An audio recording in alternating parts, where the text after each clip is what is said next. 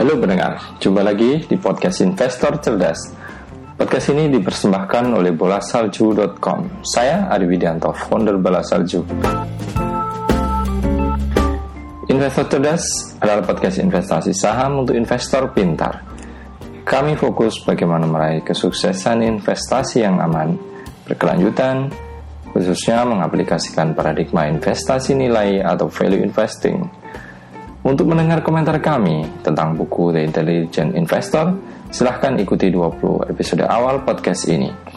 Di episode terbaru, kami akan bahas isu aktual, edukasi, resensi, serta bahasan investasi lainnya bersama saya dan mungkin narasumber lain.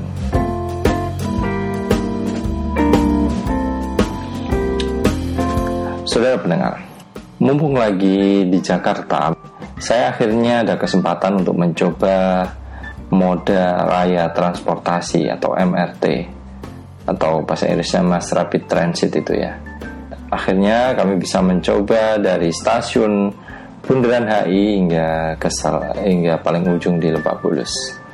Nah, saudara pendengar, dalam perjalanan yang saya kira cukup singkat itu, selain bisa menikmati nuansa perjalanan yang nyaman, cepat, modern dan bersih menggunakan MRT, saya juga memperhatikan suasana di sekitar lingkungan uh, area MRT itu, dan juga lingkungan atau uh, wilayah yang dilewati MRT itu.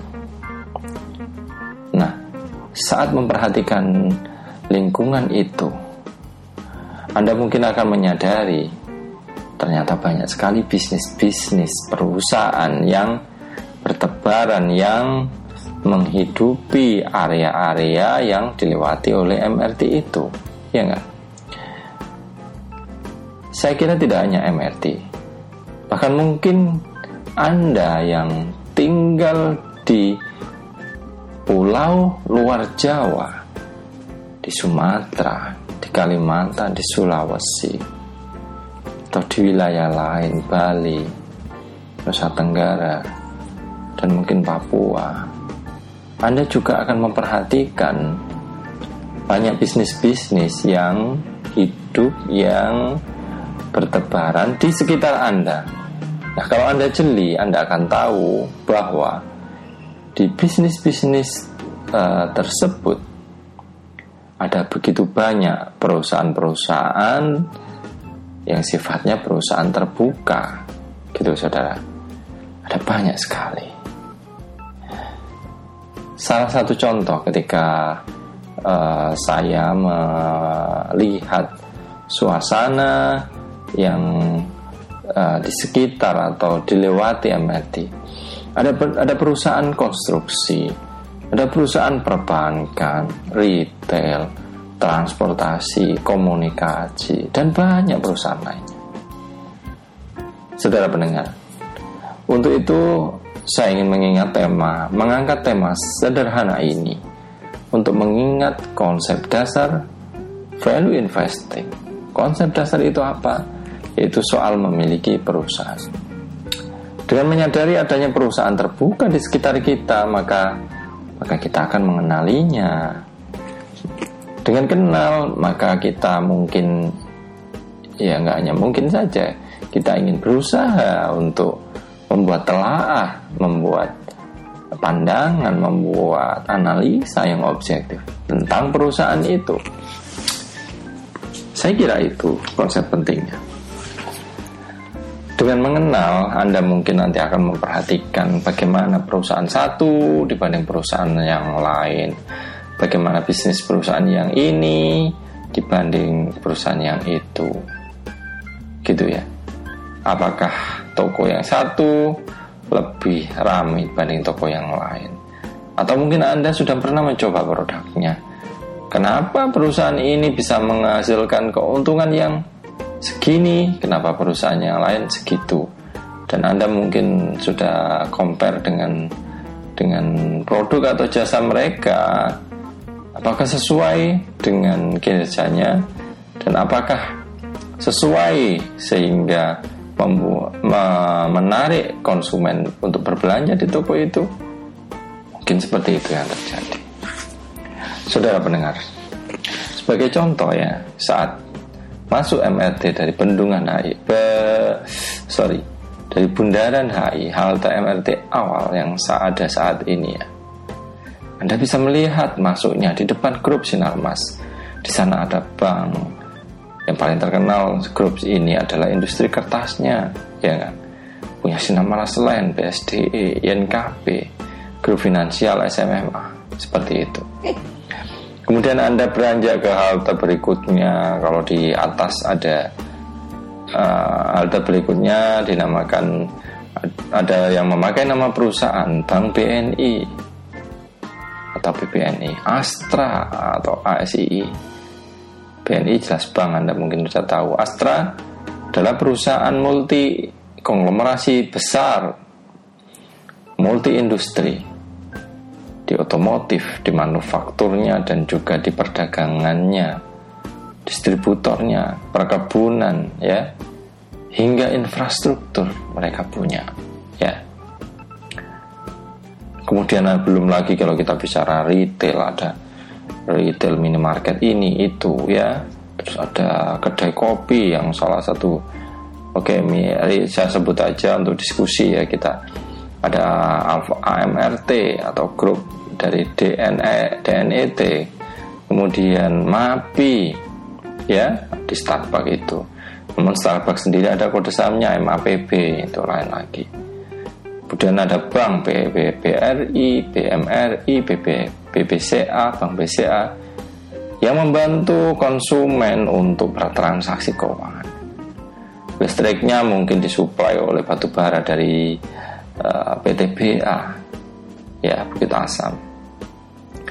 Keluar dari bawah tanah mungkin Anda juga melihat banyak perusahaan yang lain.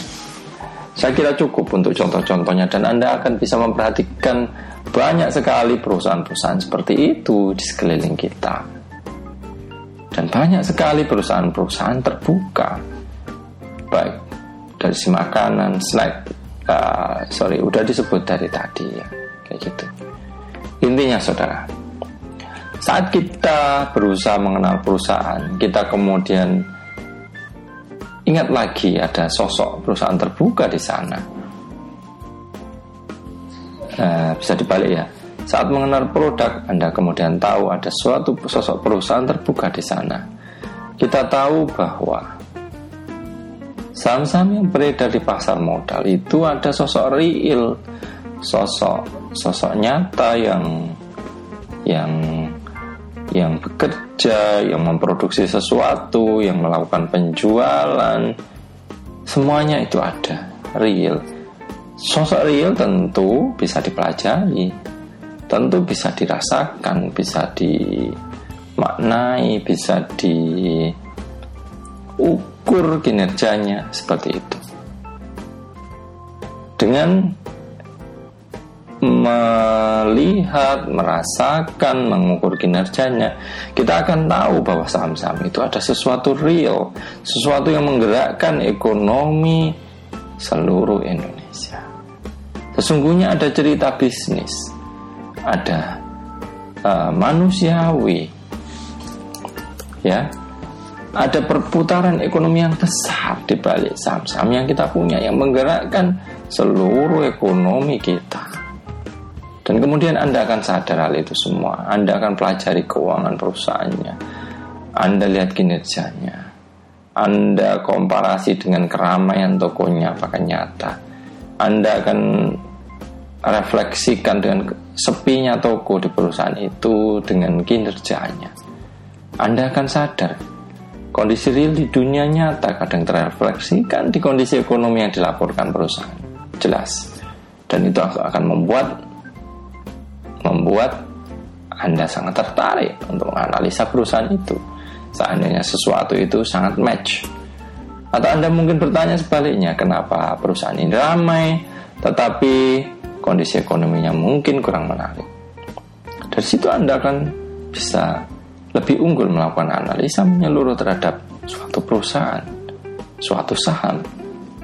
Saat Anda sudah melakukan analisa menyeluruh kualitas perusahaan itu, baik dari sisi nilai ekonominya. Kemudian Anda bergerak ke nilai saham perusahaan itu, lalu memvaluasi sahamnya. Dari sini Anda akan sampai di tahap akhir untuk melakukan keputusan investasi. Bahkan sebelum itu, saudara, Anda akan punya sudah punya perbandingan satu perusahaan dengan yang lain.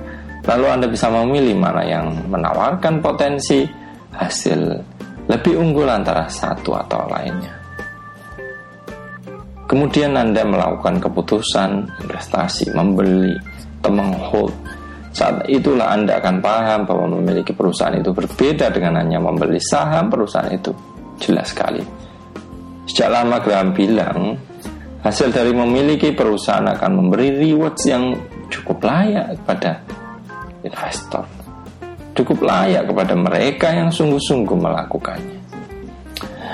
Saudara, saya kira telah ini tidak hanya bisa dilakukan saat MRT jelas ya.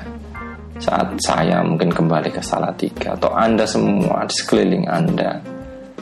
Di mana saja kita masih berjumpa dengan berbagai perusahaan yang terus menghidupkan kehidupan dan ekonomi Indonesia. Saat itu Anda akan bisa merefleksikan banyak pertanyaan ekonomi. Apakah ini mendekati krisis? Kalau mendekati krisis semua ekonomi masih bergerak, masih sehat, masih upaya uh, kredit berjalan dan seterusnya Apakah ini mendekati perkembangan ekonomi yang cukup layak diikuti? Apakah perusahaan ini seperti sedang mengalami kendala? Atau satu dua industri mengalami perkembangan atau penyusutan? Dan seterusnya mungkin Anda bisa merefleksikan pengamatan atau pendekatan yang telah Anda lakukan. Kemudian saudara, tak terasa hanya dari usaha mengenal perusahaan akan memberi Anda rewards bukan cuan saja, bukan rewardnya. Rewardnya adalah perjalanan investasi yang menarik, sekaligus ya bisa jadi Anda untung dengan cukup layak.